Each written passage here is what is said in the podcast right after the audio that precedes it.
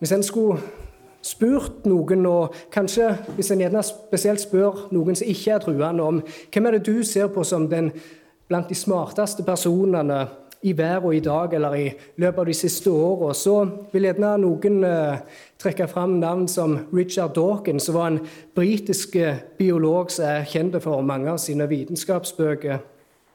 Andre vil gjerne nevne en som heter Christopher Hitchens, som var en journalist og forfatter, og en som ofte debatterte eh, både kristne, men eh, folk fra forskjellige trosretninger òg. Andre vil gjerne nevne Stephen Hawking, en brite som var en fysiker og matematiker. Det var jo han som satt i rullestol og hadde denne dataen til å snakke for seg. En kan nevne andre navn også, som er typiske nabben som folk vil trekke fram til et sånt et spørsmål. Og, eh, disse tre var heller ikke redde for å De snakket ikke kun om sitt fagfelt, om det var innenfor vitenskap eller andre ting. Men de var heller ikke redde for å dele deres tanker om religion, og også spesielt om den kristne Gud. Hør f.eks. hva Richard Dawkins sa om religion. Religion handler om å gjøre uprøvd tro til, et, til en urokkelig sannhet gjennom kraften til institusjoner og tidens gang. Christopher Hitchens han skrev på en litt spottende måte. Han skrev dette en gang at For så har Gud elsket verden, at han ga sin sønn, den enbårne, for at hver den som tror på ham, skal tro på hva som helst. Hitchens 3.16. Stephen Hawking, som jeg også nevnte, han sa i sin siste bok, som heter 'Brief Answers to the Big Questions', det er mitt syn at den enkleste forklaringen er at det ikke finnes noen Gud. Ingen skapte universet, og ingen styrer vår skjebne. Dette fører meg til en dyp erkjennelse. Det er sannsynligvis ingen himmel og etterliv heller. Jeg tror troen på et liv etter døden bare er ønsketenking. Det som er fellesnevneren for alle disse tre mennene som jeg nevnte navnene på, er at de mente det, fanns, det fins ingen Gud. Ikke ville de bare hevde at det fins ingen Gud, men når de snakket om Gud, så snakket de veldig nedlatende om Gud og den kristne trua. Ateisten vil ofte hevde å holde fram som sannhet det som jeg nevnte fra Richard Dawkins litt tidligere, at eh, religion handler bare om å gjøre tru om til sannhet gjennom institusjoner og med tidens gang. Trua på Gud vil de si er noe som bare heller mennesket nede gjør mennesket ynkelige. Og hvis du ønsker å oppnå mer kunnskap, hvis du ønsker å oppnå å komme lenger fram i, liv, i livet ditt, så må du løsrive deg fra en tanke om Gud. Da må du løsrive deg fra tanken om trua på Gud. Det er sånn en ateist tenker. Og de vil jo si at eh, vi som er kristne, vi er jo noen dårer som, som bare tror på noen eventyr. Men hvordan var det Salme 14 begynte? Dåren sier i sitt hjerte at det fins ingen Gud. Det er ikke han som tror på Gud og stoler på Gud, som er en dåre, ifølge Skrifta, men det er han som sier at det ikke fins noen Gud, som er en dåre. Vi skal i dagens eh, salme få se litt hva, hvordan dette her utsagnet at eh, når en sier i sitt hjerte at det fins ingen Gud, og hvis dette her blir levd konsekvent ut i livet, så skal vi se eh, hva konsekvenser dette her faktisk fører til. Og som vi også vil se i salmen, det fører til at eh, dåren gjør vondt og gjør skade på den som er rettferdig og den hjelpeløse. Men vi skal også se at eh, selv om trengselen ser hard ut, og at undertrykkelsen er veldig hard, så forteller Salme 14 oss også at eh, Gud vil være med, og han vil befri den rettferdige slekt og den hjelpeløse ifra dåren. Det interessante med Salme 14 det er at eh, det er den samme salme som Salme 53. Hvis dere leser Salme 53, så kan dere se at det er litt nyanser på noen setninger. og sånn, Men det er så å si samme salme. Der så forskjellene ligger litt i disse to salmene, det er bl.a. i melodien til disse salmene. For vi så jo i Salme 14 at det sto at til korlederen av David. Men hvis en leser Salme 53, så kan en lese i begynnelsen at til korlederen etter Mahalat, en læresalme av David. Så selv om tekstene er nokså identiske, så hadde de likevel ulike melodier. De ble sunget til forskjellige melodier. Det blir jo litt sånn som så hvis en artist i dag tar kanskje en eh, populær sang fra 80-tallet, og så tar han og bare kopierer teksten og bare legger til en ny eh, melodi. Det blir litt det samme greia som med Salme 14 og 53. En annen forskjell på disse to salmene det er at eh, på hebraisk så bruker Salme 14 eller navnet Javé når det snakker om Herren, mens i Salme 53 så er det navnet Elohim som blir brukt om Gud. Men la oss nå gå litt inn i selve teksten. og Vi ser igjen her at David han kommer på ny med en klage til Gud. David klager og uttrykker sin sorg over de ugudelige sin oppførsel. Og dåren som, er, eh, som blir nevnt i vers 1, der tror jeg refererer til tyranniske ledere innad i landet, innad blant israelsfolket. Ikke de hedenske lederne og kongene fra nasjonene rundt Israel, men de som faktisk var en del av Guds paktsfolk.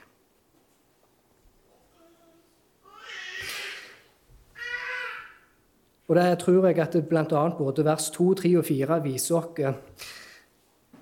Salme 14 har jo sin egen kontekst, som snakker helst om praktiske ateister innad blant Guds folk og blant Guds, eh, de som var ledere innad i Guds, uh, innad i Guds land. Men vi skal se også senere i talen hvordan Paulus tar denne teksten og anvender den til å vise oss at hele menneskeheten er under synd. Når David bruker dette her uttrykket 'dåren', så sier han, så, eh, om han sier at det fins ingen Gud, så er ikke dette her bare mobbing fra Davids side. Han prøver ikke bare å gjøre narr av de som sier det. Han kaller ikke bare tullinger, idiot eller døstemikler, om du vil. Han, snakker ikke, eh, han tar ikke å mobbe dem på den måten som vi gjerne tenker. Men det David her gjør, det er at han erklærer en moralsk dom over disse her som sier at det fins ingen Gud. Og sier at de er, de er dårer. Og poenget til David er, kan jeg oppsummere med dette her, at den som sier at det ikke fins en Gud, hans verdensbilde og tankesett er bare redusert til dårskap. Jeg kan ta den igjen. Den som sier det ikke fins en Gud, hans verdensbilde og tankesett er redusert til dårskap.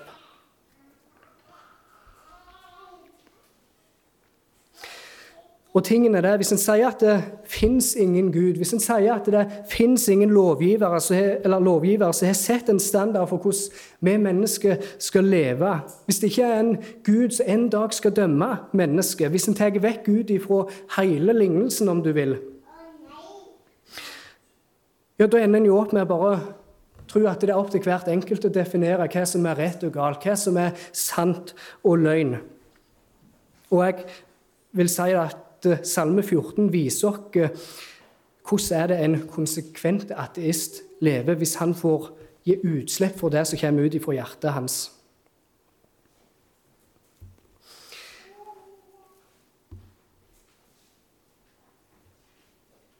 Vi leser videre fra vers 1 at David sier om dåren at ondt og avskyelig er alt de gjør. Det finnes ingen som gjør det gode. Fra himmelen ser Herre ned til menneskene for å se om det finnes noen som har vis, noen som søker Gud. Alle har vendt seg bort, alle som er nær fordervet. Det finnes ingen som gjør det gode, ikke en eneste. Jeg vil si her at eh, Vers 3 er kanskje det verset som indikerer mest for oss at eh, David eh, refererer til ugudelige ledere innad i landet. Noe som han også adresser, har adressert tidligere i Salme 12. For vi leste jo at alle har vendt seg vekk. Alle som enn er forderva. Når David snakker om at de har vendt seg vekk, så snakker han ikke om hedningene. For de hadde jo ikke fått Guds lov åpenbart for seg på Sinai.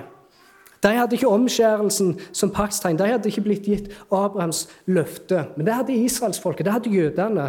Gud hadde åpenbart seg for jødefolket, og han hadde gitt disse løftene til israelsfolket. Han hadde gitt dem sin lov. Det var de han hadde inngitt en pakt med, og det var de som skulle være et folk som skulle tilbe og tjene Gud. Men så David sier så mange av de vendte seg vekk. Dette opprøret her starta ikke nødvendigvis med at eh, en dag så bestemte de seg bare og De reiste seg opp og slo i bordet og sa nå tror jeg det fins ingen Gud, og erklærte det liksom ut for hele, hele torget. For David sier jo tross alt at eh, dåren har sagt i sitt hjerte at det fins ingen Gud. Det er godt mulig at de hadde en utvendig form for religiøsitet eller gudsfrykt. Men innvendig i deres eget hjerte så sier de at det, det fins ingen Gud. Innvendig så er de egentlig ateister. Og På samme måte som dette var en realitet på Davids tid, så tror jeg òg at dette her er en realitet iblant Guds folk i dag. Og at det òg spesielt kan vise seg blant de som er tjenere i kirka. Og dette her Eh, gå inn litt på det som en helst kan kalle for en praktisk ateist, om du vil. Det er ikke sånn at eh, de nødvendigvis sier at eh, det fins ingen Gud. Men de lever som om at Gud ikke finnes, som om at Gud ikke har sagt noe i sitt ord. De forkaster Guds ords autoritet. De vil ikke at det er Guds ord som skal styre menigheten, styre kirka. Men de vil heller at de som skal styre kirka, det er alt, alt etter hva som folka i forsamlinga ønsker.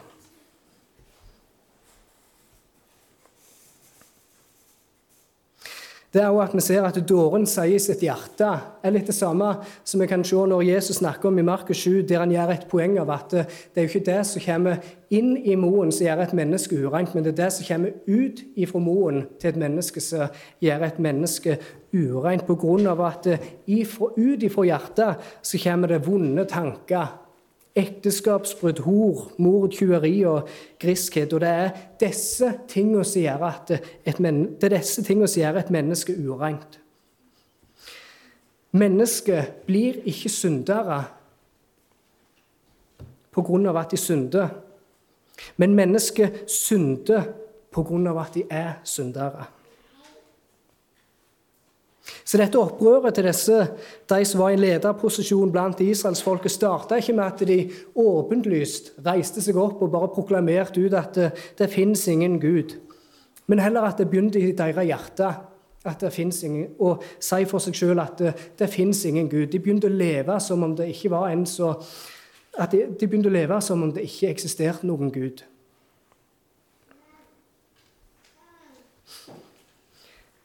Vi så også tidligere eh, vi kan lese tidligere hva denne bekjennelsen deres førte til, når det ikke var Guds standard som regjerte, men heller deres egen standard for hva som er rett og galt, så fører det til at det alltid er vondt og avskyelig, kan vi lese.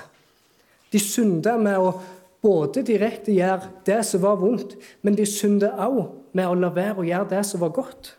Som vi også ber om tilgivelse for i synsbekjennelsen vår.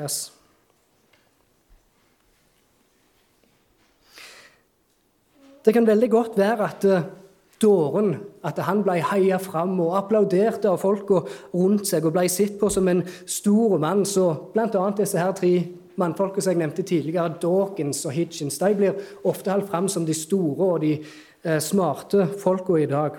Og Det kan godt være at det, det samme var tilfellet med dåren i Salme 14. Og hvorfor blir det heia fram? Jo, for de våger å hive av disse her lenkene som binder deg med å holde seg til, seg til Gud og tro på Han. De vågte å si imot Gud, og de vågte heller å fylle sitt eget hjerte. Men vi må huske på det at Gud kaller disse folka for en dåre. De har forkasta trua, de har forkasta Guds ordninger som gjør at de ikke lenger kan skille mellom rett og galt, sannhet og løgn, godt og vondt. Og de bryr seg heller ikke om sin neste. De har ikke omsorg lenger for sin neste.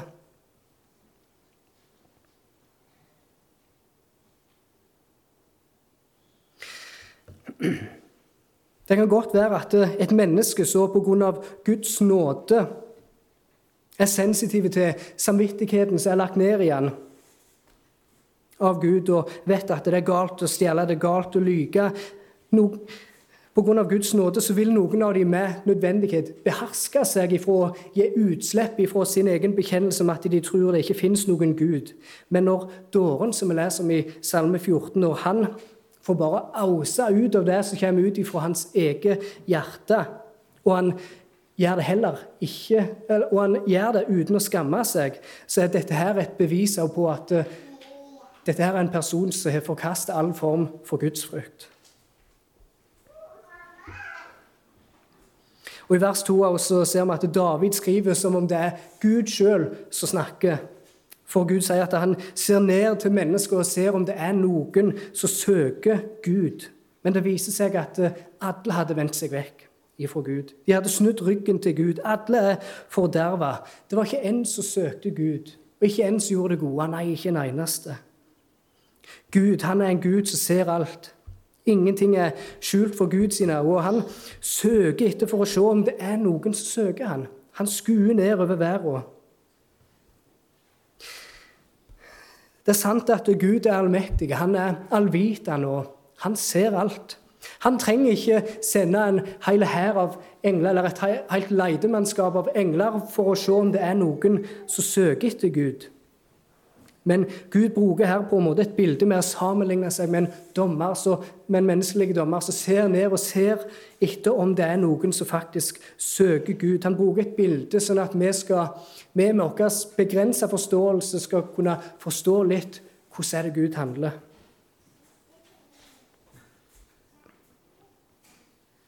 Vi får òg uh, i Salme 14 definisjonen på hva, hva som er en vis mann. En vis mann det er en som søker Gud, i motsetning til dåren som ikke søker Gud, men heller sier i sitt hjerte at det ikke fins en Gud i det hele tatt å søke etter. Og han lever på denne løgnen. Og når dåren da omfavner dette her, omfavner denne sannheten om at det, det fins ingen Gud, så gir dette her han en, nei, en unnskyldning til å gjøre akkurat som han vil. Leve et ugudelig liv, om du vil. Det gir dem en unnskyldning, og det gir dem også en større motivasjon. På grunn av at Hvis det ikke fins en Gud, hvem kan vel da si til deg at det du gjør, er galt? Hvem vil holde dem ansvarlige for det de gjør?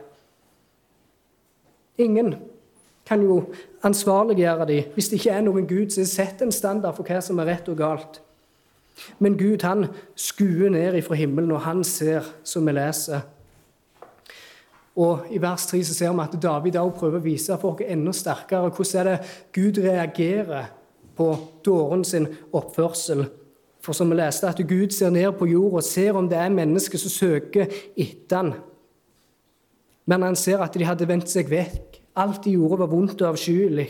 De som var meint for å beskytte og tjene folket, endte opp heller med å undertrykke dem. Undertrykke den hjelpeløse, og de viste ingen form for medmenneskelighet. Og Gud ser ned på dette her og, og spør forstår de ingenting. Forstår de ingenting, alle disse som gjør urett? De som var meint til å beskytte og tjene folket, sørge for at de kunne leve i trygghet. De oppfører seg jo som noen ville beis som heller fortærer folket mitt. De eter folket mitt som om de åt brød. Og der, altså, når de åt brød, så var det ikke, de skar ikke fine skjever sånn som vi gjør i dag. Da hadde de jo ei lefse som de reiv opp og åt. De tok og, Disse lederne fortærte Guds folk.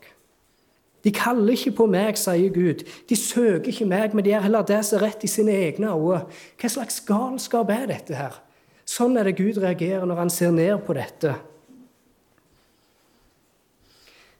Noe av grunnen til at jeg tror at dette her beskriver et fallent lederskap i landet, om det var i tempel eller om det var i staten, om du vil, så er det av at eh, en hadde ikke blitt overraska. En hadde ikke blitt overraska eller forventa annet enn tyranni fra en konge eller et lederskap i en, i en hedenske nasjon som var rundt Israel. En hadde gjerne ikke forventet noe annet ifra de som ikke hadde fått åpenbart Eh, Guds lov. Men for de som hadde fått Guds lov, de som hadde fått Guds ord, som viser hvordan en skal styre både kongehus og tempel, stat og kirke, om det vil. Men de som likevel vender seg vekk ifra Gud, ifra hans standard, ifra hans åpenbarte vilje for oss, ja, da blir en mildt sagt overraska at det kan komme der at de som skulle beskytte folket og nære dem, ender heller opp med å fortære dem. I Mika 3 så kan vi lese skal, Vi skal ikke gå der, men for de som eventuelt tar notat, så kan jeg bare notere ned Mika 3. For der kommer profeten med et ord til de griske lederne i landet, og han sier Hør, Jakobs høvdinger, dere ledere i Israels hus. Var det ikke dere som skulle kjenne retten? Men dere hater det gode og elsker det onde. Dere river huden av folk og kjøttet av beina deres. De eter kjøttet av folket mitt, huden flår de av dem, og beina deres knuser de. De brer det ut som i en gryte, som kjøtt i en kjele. Når de så roper til Herren, svarer han dem ikke. På den tid skal han skjule ansiktet sitt for dem, for de har gjort onde gjerninger. Det er litt samme ordlyd her som vi kunne lese i Salme 14, altså profeten sitt ord imot disse her griske lederne. Hva var det? Jo, dere et opp folk mitt og river i sunt Guds folk som om de er brød.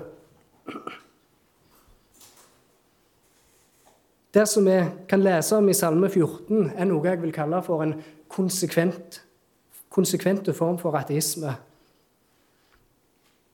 Når en i sitt hjerte sier til seg sjøl at det, det fins ingen Gud, og når en billedlig sett og pløyer videre på dette her tankesettet om at det ikke fins noe Gud, så vil mer og mer av det som før var innvendig, få mer og mer utløp utvendig òg. Det vil spre seg fra hjertet, og så vil det komme ut ifra moen med at en begynner å åpenbart spotte Gud.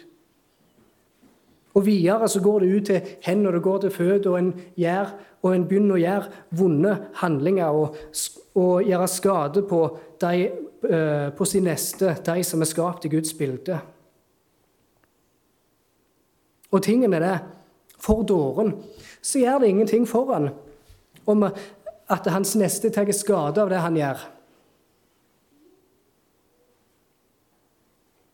Og hvorfor da? Jo, for når en har forlatt trua på Gud, så har en ikke lenger noen objektive standarder som definerer hva som er rett og galt.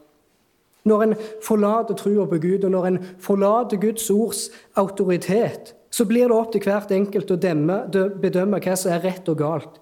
Det blir definert bare ut ifra egne preferanser, hva som er, fordel, hva som er til fordel for meg sjøl. De adopterer gjerne et verdensbilde som sier at eh, vi er bare stjernestøv. Vi er produkter av bare noen små atomer som svever rundt i verdensrommet.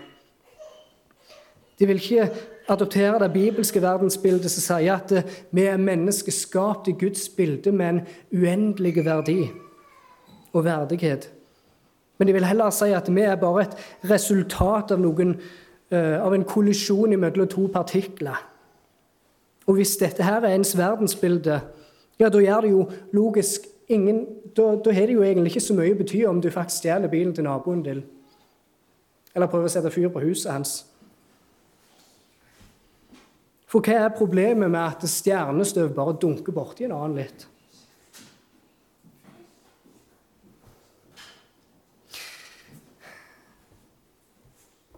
Noen kan gjerne spørre altså, ok, jeg forstår eh, når vi leser Salme 14, at uh, dette her er på en måte den uh, dåren som sier, begynner med å si i sitt hjerte at det fins ingen Gud. og Hvis en på en måte konsekvent følger dette og pløyer videre på denne tanken, så det, vil det på en måte, iallfall i dette tilfellet, ende opp i tyranni og at du gjør skade på Guds folk. Men altså, naboen min han sier akkurat det samme. Han sier det fins ingen Gud. men han lever stilt og rolig. Han prøver ikke å stjele bilen min. Han prøver ikke å sette fyr på huset mitt, eller hva det enn skulle vært. Og han er såpass ille at han låner vekk plenklipperen til meg til og med. Så hvordan kan egentlig dette ha seg?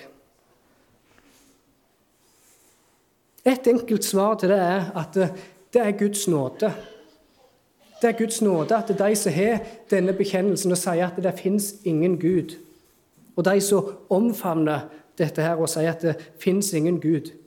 Det er Guds nåde av at det ikke kommer så langt som vi leser om dåren i Salme 14. Gud med sin allmenne nåde han heller tilbake vondskap hos mennesket. Han heller tilbake vondskap som mennesket faktisk kan få utløp for. Og av Guds allmenne nåde så kan vi ha naboer eller klassekamerater som gjerne sier at det fins ingen Gud, men som likevel er greie å ha med å gjøre. Det er av Guds nåde, men òg at de lever ikke konsekvent. De lever ikke konsekvent. For hvis en, som jeg sa, hvis de sier at det fins ingen Gud, da er det ikke lenger noe som er rett. Det er ikke lenger noe som er godt. Ut ifra en objektive standard. Det er heller ikke noe som er galt. Det er heller ikke noe som er løgn. Da lever en som en inkonsekvent ateist. Når en sier i sitt hjerte at det ikke fins en Gud, når lederen i landet eller dårlige ledere i kirka sier dette her og lever det ut, så vil det føre til at en ikke lenger gjør det gode, men heller det vonde. En søker ikke Gud, og en fortærer heller Guds folk.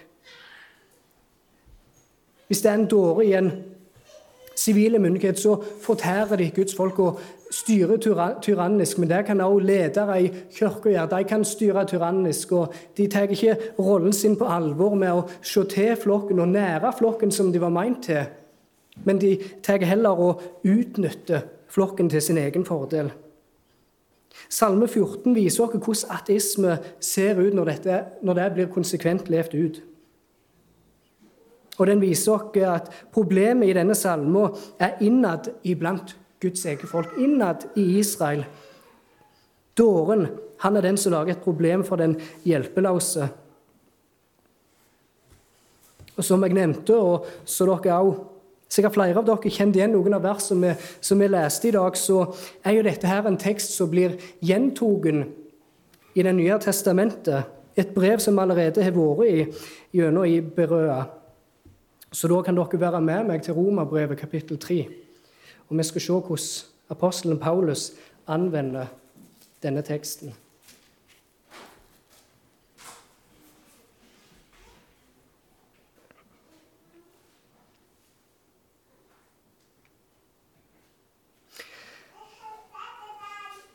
Vi kan lese ifra vers 9. Hva så? Har vi jøder noe fortrinn? Nei, på ingen måte. Vi har jo allerede anklaget både jøder og grekere for at de alle er under, under synd, for det står skrevet.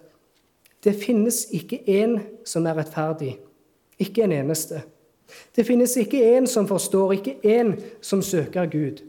Alle er kommet på avveier. Alle er fordervet. Det finnes ikke en som gjør det gode.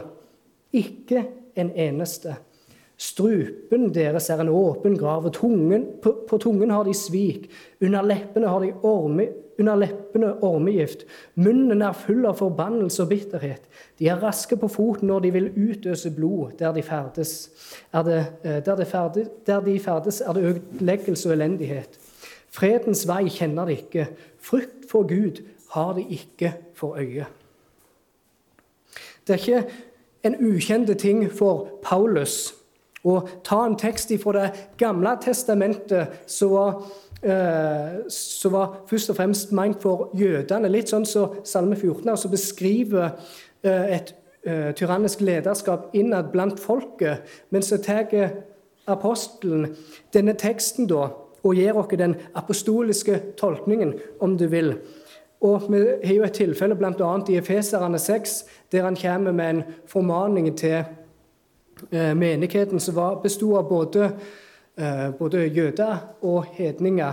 Og han sier til ungene i menigheten dere unger, respekter foreldrene deres. Vær lydige til foreldrene deres. Og hva er det han grunner dette ned i? Han grunner det ned i Guds lov, de ti bud. Han sier det at 'hedre din far og din mor', dette er det første budet med et løfte, for at det kan gå deg godt, og du kan leve lenge i landet. Ellers en også oversetter det til verden.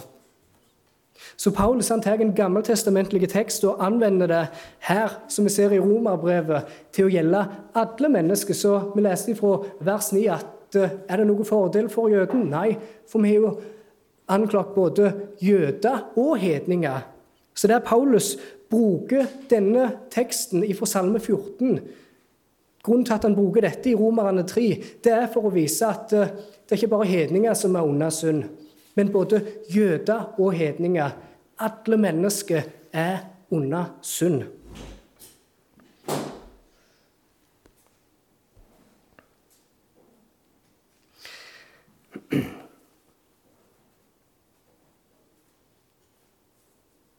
Dåren i Salme 14, som vi leste, han blir beskreven som en råden, moralsk råden person. Som en korrupte, skyldig å gjøre det som er vondt, og utelate å gjøre det som er godt. Han er ignorant og forstår ikke Gud. Han er vondskapsfull og fortærer Guds folk. Han søker ikke Gud.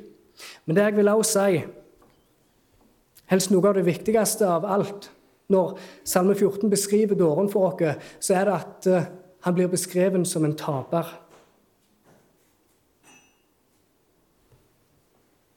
Og ikke en taper, sånn som vi gjerne kan si det på en nedlatende og mobbende måte, men det han blir beskrevet som en taper, en som ikke vil seire til slutt. For det er ikke enden på visa at eh, dåren fortærer Guds folk.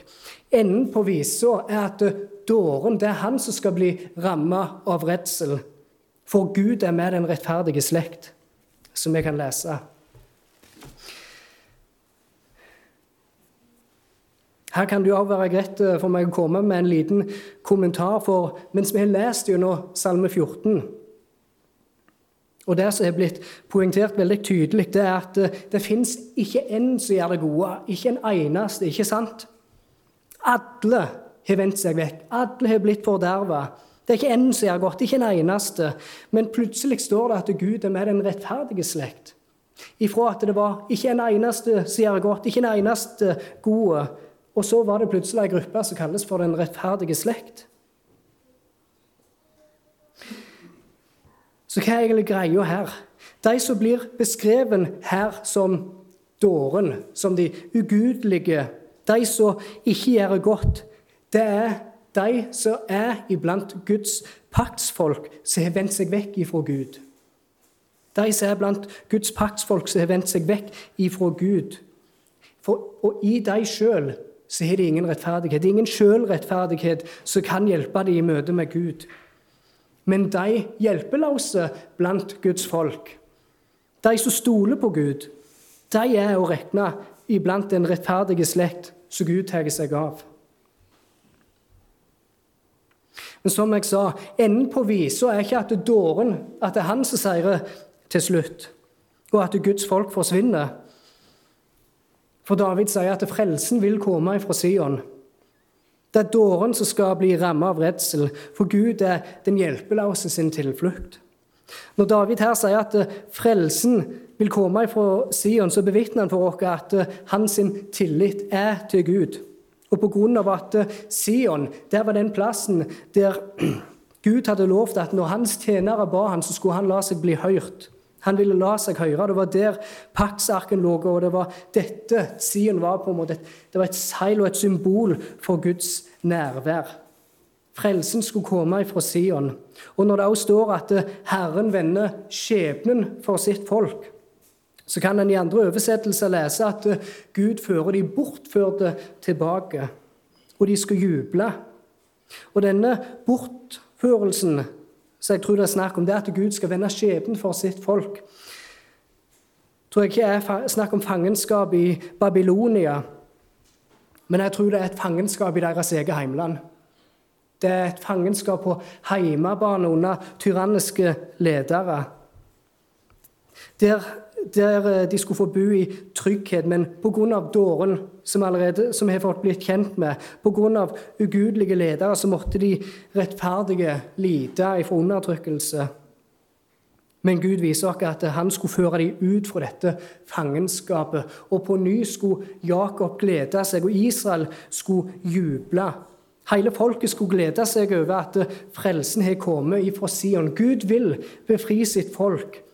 Og det som er greia, at Gud har ofte en tendens til å befri sitt folk når det ser så mørkest ut.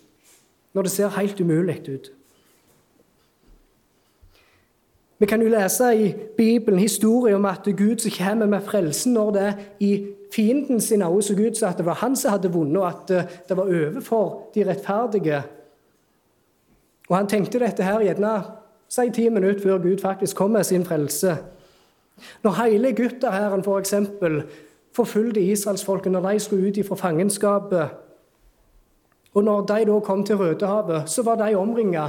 Rødehavet framfører seg og egypterhæren bak seg. De kunne ikke komme seg noen plass. Men hva var det Gud gjorde? Han sendte ei ildstøtte imot dem, sette han imellom dem og egypterne og beskytte han for dem. Og så åpna han Rødehavet så at israelsfolket kunne gå igjennom og komme seg trygt over land. Eller over, over til et nytt land. Og vi har jo også den kjente historien om Daniel i løvehullet. Det som i hans fiender sine øyne så ut til å være den sikre døden for Daniel i løvehullet uten noen form for våpen å kunne forsvare seg. Gud frelste han og Gud befridde han ifra løven sitt gap.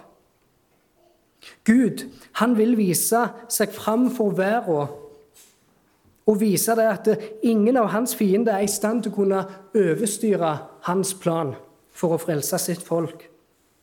Og Går vi til Det nye testamentet, så ser vi hvordan Gud igjen fortsetter å operere på denne måten. For vi kan se det når Jesus, når han hang på korset. I verden sine øyne, òg i disiplene sine øyne, så så de på dette her. Altså, Disiplene tenkte Jesus er død, vi er tapt. Og verden, de skriftlærde romerne, de tenkte at eh, nå har vi fått fjerne han herrene. De tenkte at nå hadde de vunnet og blitt eh, kvitt seg med en liten parasitt. Men det som var sannheten, det var at eh, selv om de i verden sine øyne så ut som at det var de som seira der, så var realiteten at når Jesus hang på korset, så var han i ferd med å ta riket ifra dem, og han var i ferd med å knuse Satan.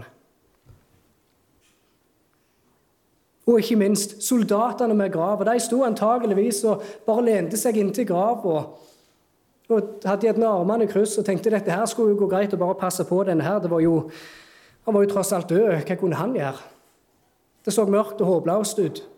Men igjen en engel kom og kveltra steinen. Jesus sto opp ifra de døde. Døden kunne ikke lenger holde på han. Det er sånn Gud opererer i verden når han kommer med sin frelse. Han gjør det for å herliggjøre seg sjøl, og han gjør det for å eh, Når han gjør det bringer frelse akkurat da det ser så mørkest ut, da det ser ut som alt er tapt. Han gjør det for å herliggjøre seg sjøl og vise oss hvor stor og mektig frelser han er. Det er jo mest som en liten show-off. Det er et mønster som går igjen i dette her hvordan Gud frelser. Først er det død, og så blir det etterfulgt av en herlig oppstandelse. Først er det nederlag, og så blir det etterfulgt av en herlig seier. Gud han drukna verden i historien om Noah pga. synd. Men så lot Gud vannet synke, og en ny vær kom til.